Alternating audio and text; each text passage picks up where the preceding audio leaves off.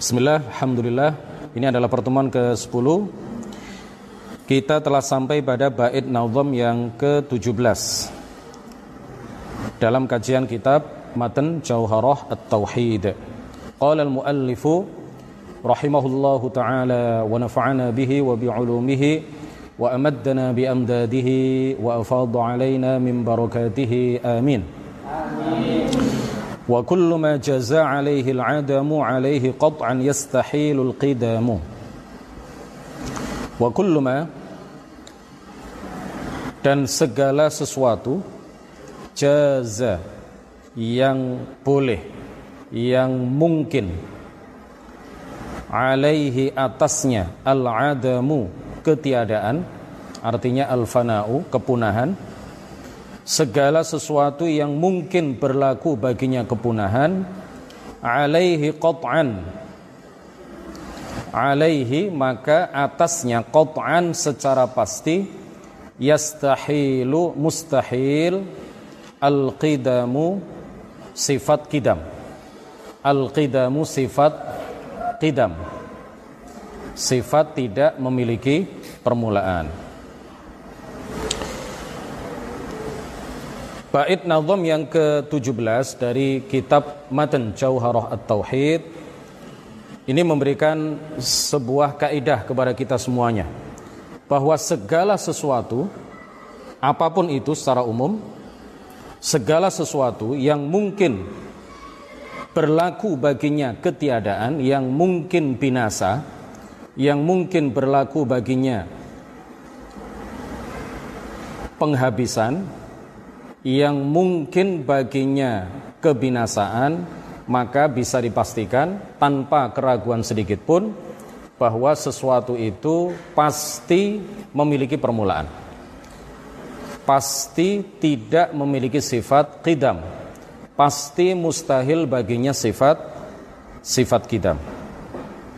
Jadi para ulama tauhid itu memberikan sebuah rumus ya. Dimulai dengan didatangkan premis mayor pernyataan umum. Kemudian setelah itu ada premis minor muqaddimah kubro premis mayor pernyataan umum. Kemudian setelah itu didatangkan premis minor atau muqaddimah sughra pernyataan yang khusus.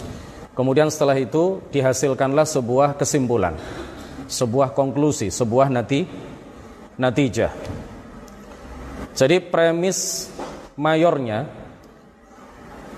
muqaddimah kubronya adalah bahwa segala sesuatu yang mungkin baginya tiada, segala sesuatu yang mungkin berlaku baginya kepunahan, maka mustahil baginya ketidakbermulaan. Maka mustahil baginya sifat kidam. Jadi kalau sesuatu itu mungkin berlaku baginya kepunahan, maka pasti dia memiliki permulaan. Maka pasti dia mustahil baginya apa sifat sifat kidam. Ini pernyataan umum, muqaddimah kubro, premis mayor. Nah, kemudian setelah itu didatangkan premis minor, muqaddimah muqaddimah sughra. Ya, pernyataan yang khusus bahwa alam alam yang kita lihat ini dan kita termasuk bagian dari alam alam semesta, alam raya yang terdiri dari benda dan sifat benda, ya, alam ini yang terdiri dari apa? Benda dan sifat benda itu adalah sesuatu yang mungkin baginya kepunahan.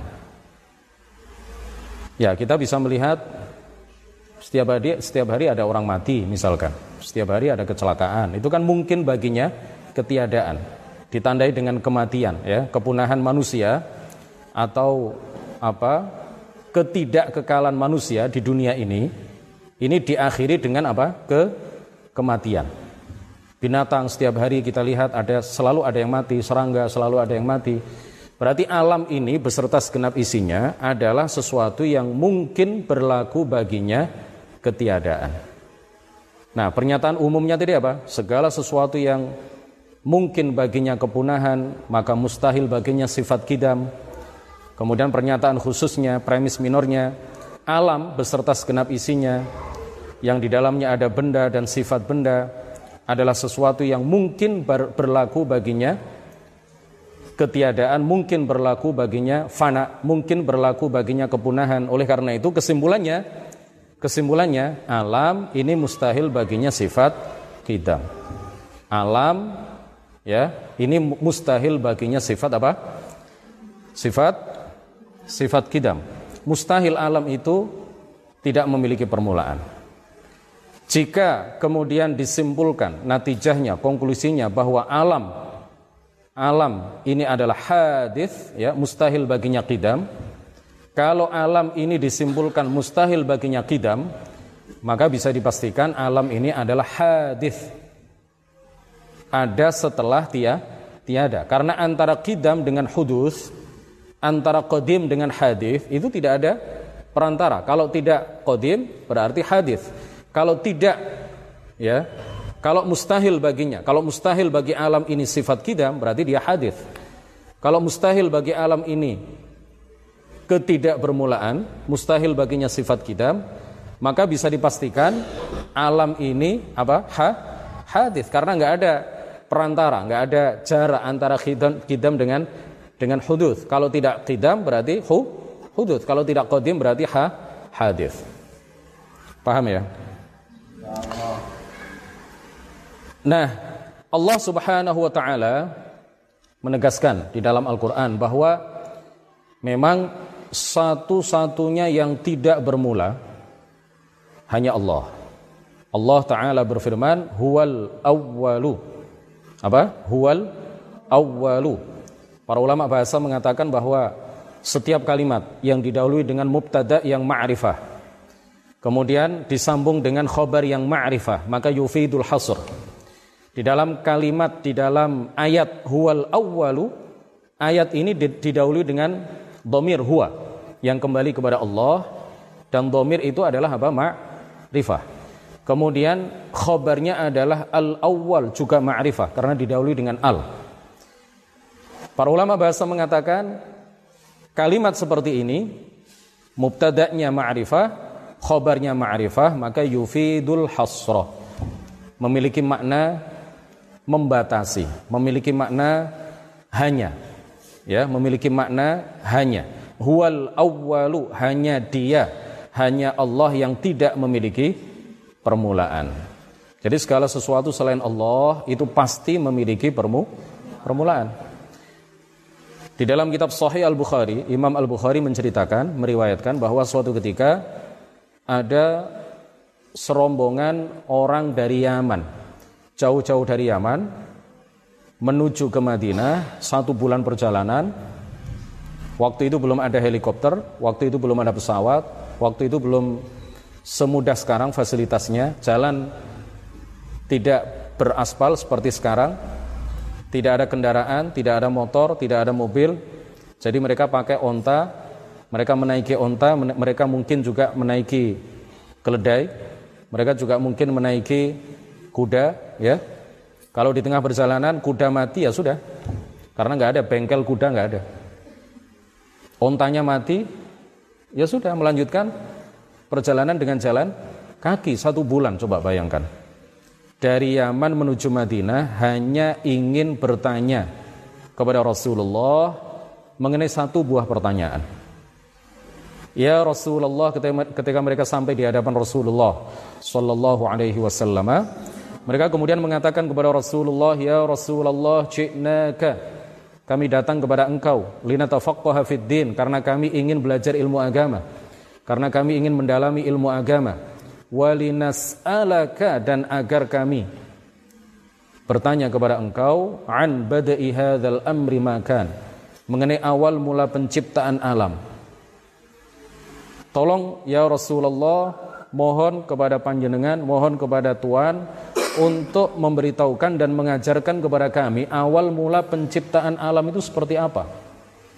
Rasulullah kemudian tidak langsung menjawab apa yang mereka tanyakan, tapi kemudian Rasulullah menjelaskan mengenai sesuatu yang lebih penting dari apa yang mereka tanyakan, yaitu menjelaskan tentang Al-Khaliq. Jadi mereka tanya mengenai makhluk, awal mula penciptaan alam itu adalah makhluk, tapi Rasulullah kemudian sebelum menjawab apa yang mereka tanyakan, terlebih dahulu Rasulullah memberikan mukaddimah jawaban yang lebih penting dari apa yang mereka tanyakan. Rasulullah menjelaskan kepada mereka mengenai sifat Al-Khaliq, mengenai hal-hal yang berkaitan dengan Sang Pencipta. Padahal mereka bertanya mengenai makh makhluk, mengenai awal mula penciptaan alam. Rasulullah kemudian menyampaikan kepada mereka, "Kana Allahu wa yakun syai'un ghairuh." Kana Allahu adalah Allah Subhanahu wa taala ada pada azal walam yakun syai'un ghairuh dan tidak ada segala sesuatu selain selain Allah. Berarti yang azali itu hanya Allah, yang qadim hanya Allah. Yang ada pada azal dan tidak ada segala sesuatu selainnya hanya hanya Allah. Makanya Allah taala berfirman apa? Wal awwalu, hanya Dia yang tidak memiliki permu permulaan. Salah satu sifat 20 yang biasa diajarkan oleh para ulama kita adalah apa? Sifat al-qidam. Hanya Allah yang tidak memiliki permu permulaan. Alam ini semuanya memiliki permulaan.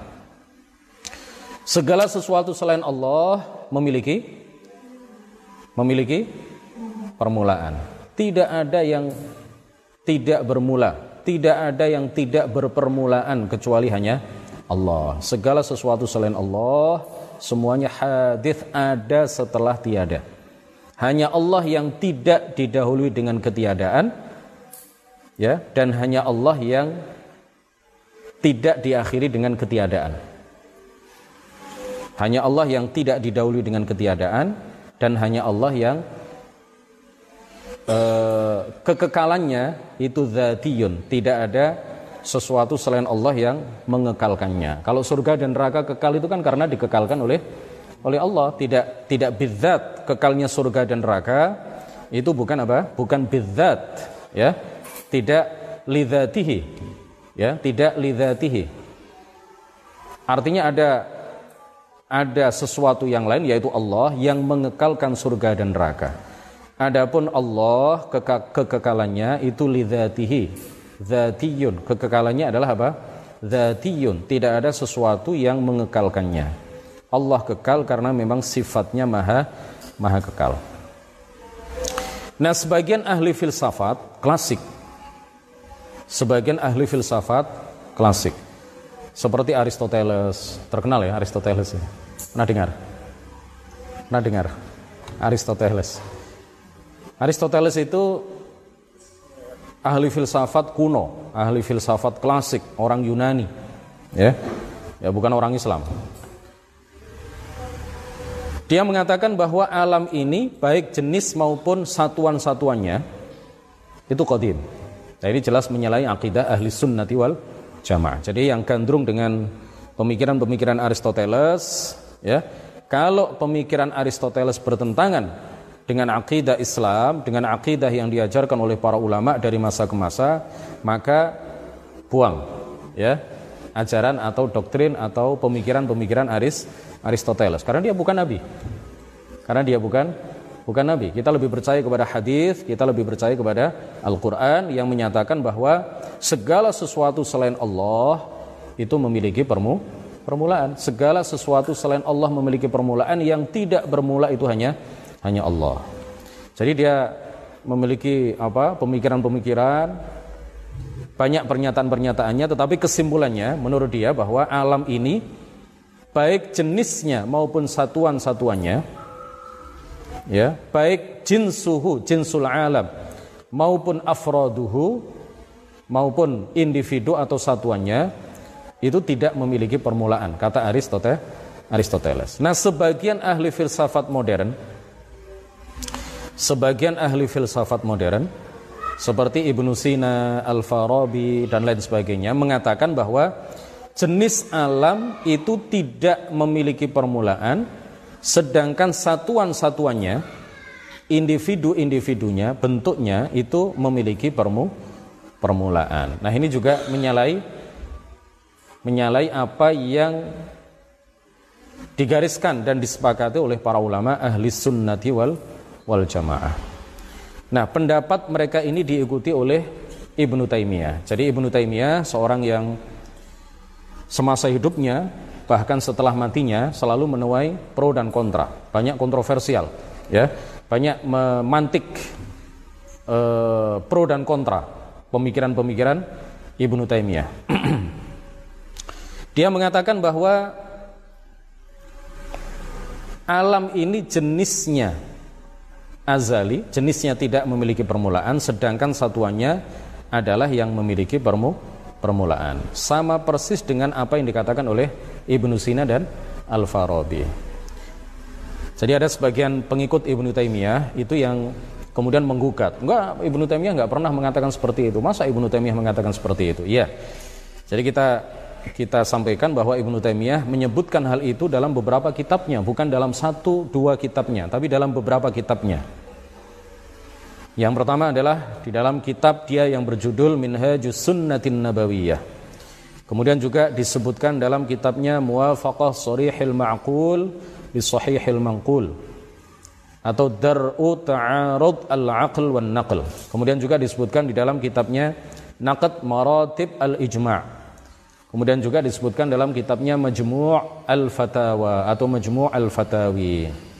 Nah, oleh karena itulah oleh karena itulah Mbah Hashim Ash'ari pendiri NU, Kiai Haji Muhammad Hashim bin Ash'ari pendiri Pondok Tebu Ireng, maha guru dari para guru di Nusantara, tidak hanya di Jawa, beliau menyatakan bahwa ada beberapa tokoh yang masuk kategori mubtadi'ah Beliau sebutkan di dalam kitab Risalatu Ahli Sunnati wal Jamaah. Ada beberapa tokoh yang mubtadi'ah, yang pembawa bid'ah. Ya, yang membawa ajaran yang tidak pernah diajarkan oleh Rasulullah dan para sahabatnya. Di antara yang beliau sebutkan adalah siapa? Ibnu Taimiyah. Kemudian Ibnu Abdul Hadi, murid Ibnu Taimiyah, Ibnu Qayyimil Jauziyah, murid Ibnu Taimiyah, Muhammad Ibni Abdul Wahab, ya pengikut Ibnu Taimiyah yang kemudian menjadi pendiri kelompok Wahabiyah. Kemudian yang beliau sebutkan lagi adalah Muhammad Rashid Ridha, Muhammad Abduh. Jadi beberapa tokoh yang disebutkan oleh Mbah Hashim di dalam kitab Risalah Ahli Sunnah sebagai al-mubtadi'ah ini ya sebaiknya kita sebagai orang NO ya bukan sebaiknya semestinya kita sebagai orang NO seharusnya tidak perlu membaca kitab-kitab tokoh-tokoh yang disebut Mbah Hashim sebagai kelompok pembawa bid'ah pemikiran, bid'ah i'tiqadiyah, bid'ah keyakinan maupun bid'ah dalam hal-hal yang furu'. Ya. Sudah semestinya kita tidak perlu membaca buku-bukunya, buku-buku mereka. Karena ulama ahlu sunnah selain mereka itu ribuan. Kenapa kita harus membaca buku ibarat kita disuguhi makanan, ibarat kita disuguhi makanan, kita diberitahu bahwa di dalam makanan itu ada racunnya. Tapi kita tidak diberitahu di sebelah mana. Apakah hidangan makanan itu akan kita makan? Kalau kita tahu, oh racunnya ada di sebelah sini, ya sudah kita buang. Kita buang racunnya, kemudian hidangan yang tidak beracun itu kemudian kita kita makan. Tetapi ini kita dihidangkan makanan ya kemudian kita diberitahu diberitahu oleh yang menghidangkan bahwa di dalam makanan ini ada racun. Tetapi kita tidak diberitahu di sebelah mananya. Pokoknya di salah satu bagian dari hidangan itu ada ada racunnya. Apakah kita makan? Tentu tidak. Ya kan? Kita buang semuanya. Kita buang semuanya. Nah begitu juga di buku-buku Muhammad bin Abdul Wahab misalkan ya. Di kitab-kitab Ibnu Qayyim al-Jauziyah, murid Ibnu Taimiyah, di kitab-kitab Ibnu Taimiyah. Ibarat hidangan tadi, di sana ada racun. Siapa yang memberitahu kepada kita bahwa di buku di buku-buku mereka itu ada racunnya? Di antaranya adalah Mbah Hashim. Mbah Hashim Asy'ari memberitahukan kepada kita bahwa di dalam buku-buku tokoh-tokoh yang kita sebut tadi itu ada racun pemikirannya. Ada ajaran-ajaran yang bertentangan dengan apa yang diajarkan oleh para ulama jadi kalau kita sudah tahu di sana ada racun, kemudian kita nggak tahu di bagian mananya. Apakah di bagian awal kitabnya, di bagian tengahnya, di bagian akhirnya, apakah di kitab yang ini, apakah di kitab yang itu, kita nggak tahu. Jadi apa yang kita lakukan? Ya sudah nggak usah dibaca semuanya. Yang kita baca adalah buku-buku yang aman, yang kita terima dari guru-guru kita dengan sanat ya yang kita pelajari dari guru-guru kita dengan cara talaki musyafahatan Ya, banyak sekali kitab-kitab. Kenapa harus membaca kitab-kitab yang dikarang oleh orang-orang yang kontroversial, oleh orang-orang yang uh, disebut oleh Mbah Hashim sendiri, guru dari guru-guru kita, sebagai orang-orang yang pembawa bid'ah. Ya, nggak aman itu buku-buku itu. Ada racunnya di dalamnya. Sudah tinggalkan semua. Kita beralih ke ribuan kitab yang lain yang dikarang oleh ribuan para ulama ahli sunnati wal jamaah yang bisa dengan mudah kita pelajari dari guru-guru yang terpercaya dengan cara talakti, belajar, musyafahatan eh, di satu majelis kepada guru-guru kita dengan sanat yang bersambung sampai pengarangnya. Kemudian di antara ulama yang mengutip ijma' bahwa alam raya ini, alam semesta ini memiliki permulaan, Ya, tadi kita sudah baca ayatnya. Hanya Allah yang tidak berpermulaan. Kemudian kita juga sudah baca hadisnya. Hadis riwayat Al-Bukhari. Hadis yang kita baca tadi juga diriwayatkan oleh Imam Al-Baihaqi. Hadis yang kita baca tadi sebagai dalil bahwa hanya Allah yang tidak bermula, yang tidak memiliki permulaan, itu juga diriwayatkan oleh Imam Ibnul Jarud. Ya, ada pakar hadis yang bernama siapa? Ibnu Al-Jarud. Al-Baihaqi, Al-Bukhari, Ibnul Jarud meriwayatkan hadisnya jelas sahih ya. Nah, sekarang ijma. Siapa di antara para ulama yang menukil ijma para ulama bahwa alam ini memiliki permulaan, bahwa Allah lah satu-satunya zat yang tidak memiliki permulaan, yang mengutip ijma atas hal itu adalah Al-Adud Al-Iji. Ya, di dalam kitab Ar-Rasail Al-Adudiyah Al-Adud Al-Iji yang wafat pada tahun 756 Hijriah. Di dalam kitab Ar-Rasail Ar-Rasail Al-Adudiyah.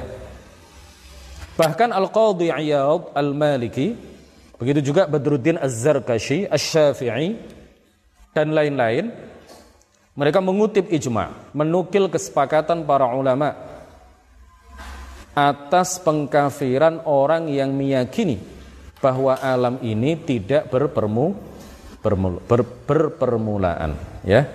Ijma dikutip oleh para ulama di antaranya Al-Qadhi Iyad Al-Maliki Badruddin Az-Zarkashi yang menyatakan bahwa jika ada seseorang yang meyakini alam ini memiliki permulaan eh, alam ini tidak memiliki permulaan ya. Jika ada orang yang meyakini bahwa alam tidak memiliki permulaan maka hukumnya adalah keluar dari agama agama Islam. Demikian kajian singkat pada malam hari ini. Mudah-mudahan menjadi keterangan yang bermanfaat, mudah-mudahan menjadi ilmu yang barokah, mudah-mudahan semakin menguatkan dan meneguhkan akidah ahli sunnati wal jamaah yang ada dalam hati kita masing-masing ya yang kita pelajari dari para guru kita yang terpercaya. Dan mudah-mudahan kita dengan bekal belajar ilmu tauhid, belajar ilmu akidah, ya apa yang kita pelajari ini bisa menjadi senjata untuk menangkis serangan-serangan golongan-golongan di luar ahlus sunnati wal jamaah yang secara bertubi-tubi ya tidak hanya pada masa sekarang sejak dulu sampai sekarang mereka selalu menyerang akidah dan amaliyah yang dipegang teguh dan selalu dilakukan oleh para ulama dan eh, orang-orang uh, yang merupakan golongan ahlus sunnati wal jamaah. Subhanakallahumma wa bihamdik asyhadu an la ilaha illa anta astaghfiruka wa atubu ilaik. La ilaha illallah. Allahumma salli ala sayyidina Muhammad wa ala alihi wa sahbihi wa sallim. Rabbi ighfir li wa liwalidayya wa lil wal mu'minat. Wassalamu alaikum warahmatullahi wabarakatuh. Waalaikumsalam.